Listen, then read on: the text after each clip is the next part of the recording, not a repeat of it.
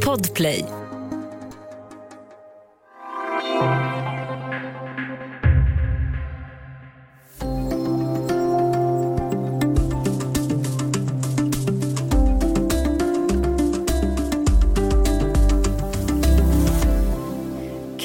Här emiratet i Persiska viken, är inte större än Skåne men märks allt mer i storpolitiska sammanhang. Från elitfotboll till att arrangera medlingssamtal med talibanerna.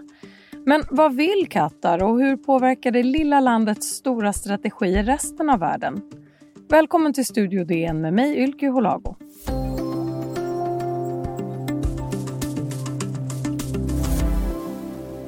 Och med mig idag har jag DNs Mellanöstern-korrespondent Erik Olsson. Hej! Hej! Det här har ju egentligen pågått ett tag, men Katars roll i det geopolitiska spelet märks allt tydligare, inte minst genom banden till talibanerna. Men innan vi går in på de detaljerna, låt oss reda ut lite grundläggande fakta om Qatar, Erik. Ja, Qatar ligger på den arabiska halvön Eh, och det är i sin tur en liten halvö som sticker ut som en liten vårta i Persiska viken. De har ungefär 2,5 miljoner invånare, eh, varav eh, endast ungefär 10 procent är katariska medborgare. Resten är gästarbetare. De har blivit jätterika på flytande naturgas. Det finns ett stort gasfält i vattnen utanför Qatar med några av världens största naturgasfyndigheter. De styrs av eh, ett, en emir eh, som tillhör Altani-familjen som eh, bestämmer allt, som är alltså e-, envåldshärskare. Och under de senaste 10-15 åren så har ju Qatar alltså positionerat sig på olika sätt i Mellanösternregionens politiska spel. Hur märks det? Det märktes först under den så kallade arabiska våren 2011, för då började man sponsra Eh, partier i de länder som gjorde uppror, eh, partier med, med nära band till Muslimska brödraskapet. Det hände bland annat i Tunisien och i Egypten och även i Libyen. Sedan så har man eh, närmat sig Hamas, eh, som partiet som styr Gaza och står numera för största delen av Gazas offentliga utgifter. Eh, man pratar med Hizbollah i Libanon och då framför allt eh, det mest synliga är ju stödet, eh, diplomatiska och ekonomiska stödet till, till den här talibanregimen i Afghanistan. Så det ska vi komma tillbaka till mer i detalj. Men om vi tittar, gör en överblick. Var går de stora skiljelinjerna i Mellanösternregionen just nu utifrån det här spelet som vi pratar om? Ja, Qatar är ju ett eh, litet land. Det ska man ju komma ihåg. Eh, en li- och en liten spelare, men de är ju uppstickare i allra högsta grad. De stora aktörerna är ju, eh, i, i, de, i Mellanösternregionen är ju främst Saudiarabien och Iran. Det intressanta med Qatar är ju att, att man försökt spela en, eh, en självständig roll gentemot eh, Saudiarabien och eh, har även haft dialog med Iran. Vilket till stor del beror på att det här gasfältet som ligger i Persiska viken där, där man fiskar upp all, all eh, naturgas, eh, det delar de med, med, Iran. Så att de är nästan tvungna att ha bra dialog med Iran. Men, men som sagt, eh, skiljelinjerna är stora är mellan Saudi och Iran och där försöker Qatar spela en självständig roll. Och hur ställer sig världens övriga stormakter, USA, Ryssland, Kina, i det här spelet? Ja, om, man, om vi nu fortsätter och hänger fast och pratar om Qatar där så, så var det ju faktiskt så att eh, Donald Trump, han åkte på sitt för, första statsbesök officiella, åkte han till Saudiarabien. Och då tutade eh, den saudiske kronprinsen i honom att Qatar var liksom, det var eh, ondskan på jorden som stod för all terrorism. Och eh, Trump eh, har man de flesta glömt nu, men då gick han ut med ett eh, utspel och sa att det här landet måste vi liksom isolera och, och, eh, och på alla vis eh, minimera inflytande. The nation of Qatar, unfortunately, has historically been a funder of terrorism. So we had a decision to make. Do we take the easy road or do we finally take a hard but necessary action? Det han glömde då, det var ju att Qatar i Qatar så ligger USAs, en av USAs största baser, militärbaser. Eh, centralkommandot för, eh, för eh, Asien och, och Mellanöstern. Där har de 11 000 man stationerade och där, därifrån leddes kriget mot IS bland annat. Så att de, har en, de, har, de, är, de är kom, försöker vara kompis med alla om man uttrycker sig så. Och att utöva så kallad soft power eller mjuk makt, alltså att som nation använda till exempel kulturella uttryck eller ekonomiska bidrag för att stärka bilden av sitt land eller en viss fråga. Det är ju någonting som USA har utövat med stor framgång genom till exempel film och tv-serier. Och det här ingår också i Qatars strategi. Hur märks det? Det märks ju främst genom eh, TV, tv-kanalen Al Jazeera som ju är en CNN, eh, får man säga, inspirerad eh, eh, global nyhetskanal på engelska. De har arabiska sändningar, de har sändningar på turkiska tror jag, på, på en rad länder ja, genom, genom eh, att äga den här och driva den här kanalen då i stor skala så hoppas man ju då att, att få ut sitt budskap. Eh, det intressanta är ju då att den är ju professionell och eh, relevant på alla sätt, den här kanalen, speciellt den engelska. Men man har ju ingen kritik mot, mot det katariska kungahuset som, som äger kanalen. Eh, så att det är en viktig del i den här soft powern som du pratar om. En annan viktig del det är att man står som värd för en rad stora idrottsevenemang. Det började med handbolls-VM 2015, sen har det varit bordtennis-VM, det har varit friidrotts-VM 2019. Och nu ser man fram emot eh, det kanske största då, eh, idrottsevenemanget, det globala idrottsevenemanget fotbolls-VM som ska hållas i Qatar eh, nästa år eh, i december.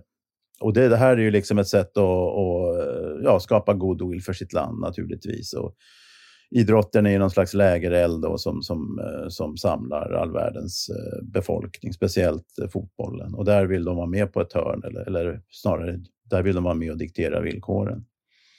Och den styrande Altani-familjen har ju också köpt Eh, fotbollslaget Paris Saint-Germain nyligen, PSG. Men Qatars positionerande i eh, fotbolls och idrottsvärlden har inte gått helt smärtfritt. De har fått vass kritik mot byggnadsarbetares livsfarliga förhållanden under arenabyggen bland annat. Och nyligen så fick ju Svenska fotbollsförbundet avstå från ett landslagsläger för herrarna i Qatar efter kritik mot bristande mänskliga rättigheter bland annat. Hur hanterar Qatar den här kritiken? Eh, alltså, eh, den här kritiken mot eh, byggnadsarbetarnas villkor, där eh, säger man ju hela tiden att, att ja, men vi har gjort förbättringar och det, det är bättre och så vidare. Det, jag menar, här, det handlar alltså om, om eh, jobbare som jobbar för vad vi skulle betrakta som slavlön i 50 graders värme med väldigt dåligt arbetarskydd. Jag har sett det själv med egna ögon. Det, alltså under en tioårsperiod där man har eh, byggt arenor som du säger och all möjlig infrastruktur så har 6 500 arbetare dött enligt eh, flera internationella rapporter. Men det här, ja, man, man försöker väl gå till, till det här till mötes men på ett ganska passivt sätt får jag säga. Och när du har varit i Qatar på reportageresor och bland annat tittat närmare på byggnadsarbetares villkor, vad, vad, vad har du mötts av där? Hur, kan du ge en bild av eh, läget? De är livrädda. De, vill inte, de vågar inte säga ett knyst. Det här handlar alltså om jättefattiga människor som kommer från Bangladesh och Nepal och jobbar utan rättigheter. Men jag menar, det är det enda de, eh, alternativ de har. Hemma har de inget jobb. Och skulle de säga ett knyst till mig, då blir de utsparkade. Och då har ju inte familjen någon försörjning. Så de är verkligen livrädda. Vi ska ta en kort paus och sen prata vidare om Qatars band till talibanerna och vad det får för betydelse i Afghanistan och i resten av världen.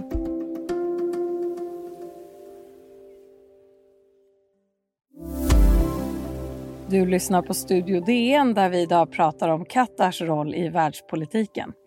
Erik Olsson, Mellanöstern-korrespondent på Dagens Nyheter. Sen 2018 så står Qatar värd för medlingssamtal med talibanerna. Varför har eh, emiratet valt att ta den rollen?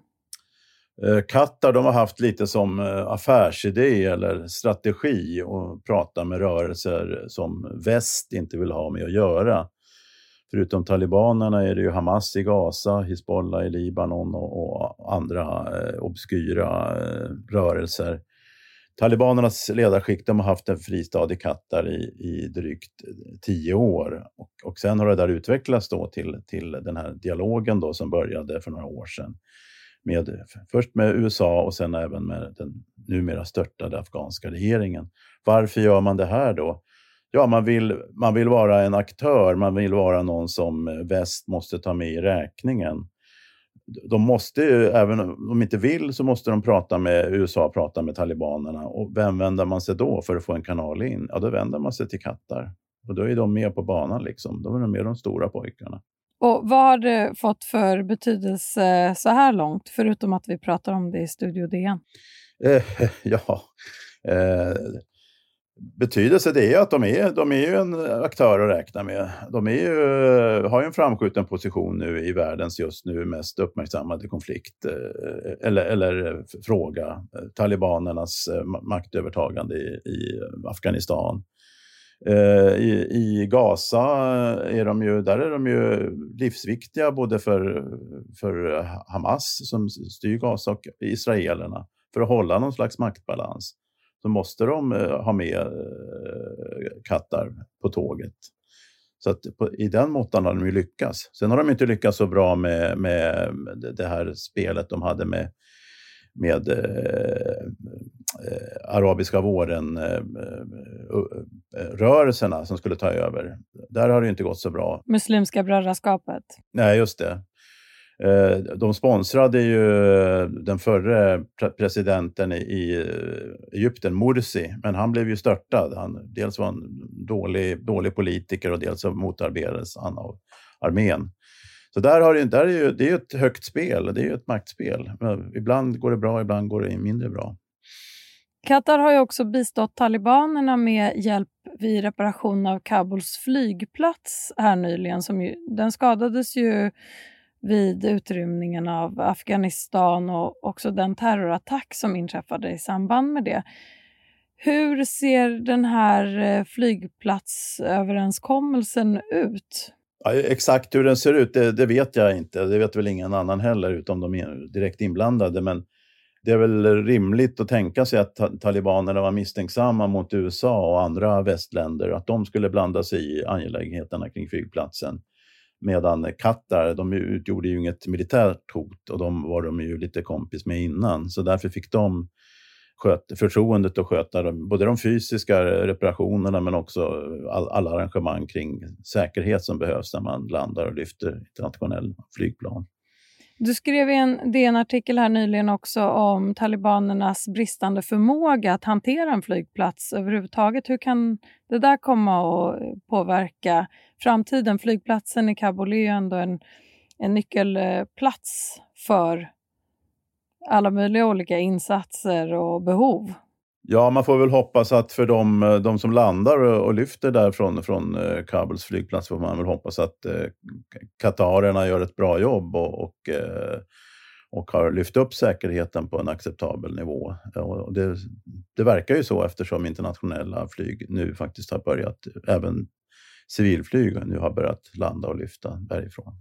Som en del i det här spelet så Turkiet byggde ju den här flygplatsen ganska nyligen och har också visat stort intresse för att få vara med och driva den framöver och stå för säkerheten. Vad handlar det där om och hur har talibanerna hanterat de förfrågningarna? Vad jag förstår så ju, har ju Turkiet är också en, en, spelare som, som vill vara aktör som vill vara med på världsscenen och ta en större roll. Och det är väl ett skäl till att de har, har hållit sig framme här. Sen varför de inte har, än så länge, har, eh, vad det gäller den här flygplatsen, har, har, har fått någon framskjuten roll, det, det vet jag faktiskt inte. Du ställde ju i en DN-artikel nyligen den här frågan. Hur kommer det sig att Qatar, ett av världens minsta och rikaste länder, så ivrigt håller talibanerna under armarna? Vad tänker du själv om den frågan? Vad kan ett möjligt svar vara? Ett möjligt svar kan vara att de, vill, eh, de har valt att prata med, med parier, som jag sa tidigare, alltså sådana som ingen annan vill ha att göra med. Eh, de vill positionera sig mot eh, Saudiarabien som är en rival, även Förenade Arabemiraten som är en regional rival. Att vi är minsann de som, som är med på världsscenen här och, och, och eh, snackar med, med de stora, stora aktörerna. Eh, eh, vilket Saudi och Förenade Arabemiraten är i mindre grad, även om de också tar sådana initiativ så har ju Qatar i det här fallet då en, en ett försteg. Och det, det, det är ett viktigt skäl tror jag. Och slutligen, hur tror du att Qatar kommer att använda sin nyvunna position här framöver? Ja, det ska bli intressant att se för att de är ju lite grann i blåsväder här med fotbolls-VM och det har inte bara varit fine and dandy utan nu, nu är det ju ganska hård kritik mot bristande demokrati, bristande föreningsfrihet och arbetsvillkor och så vidare.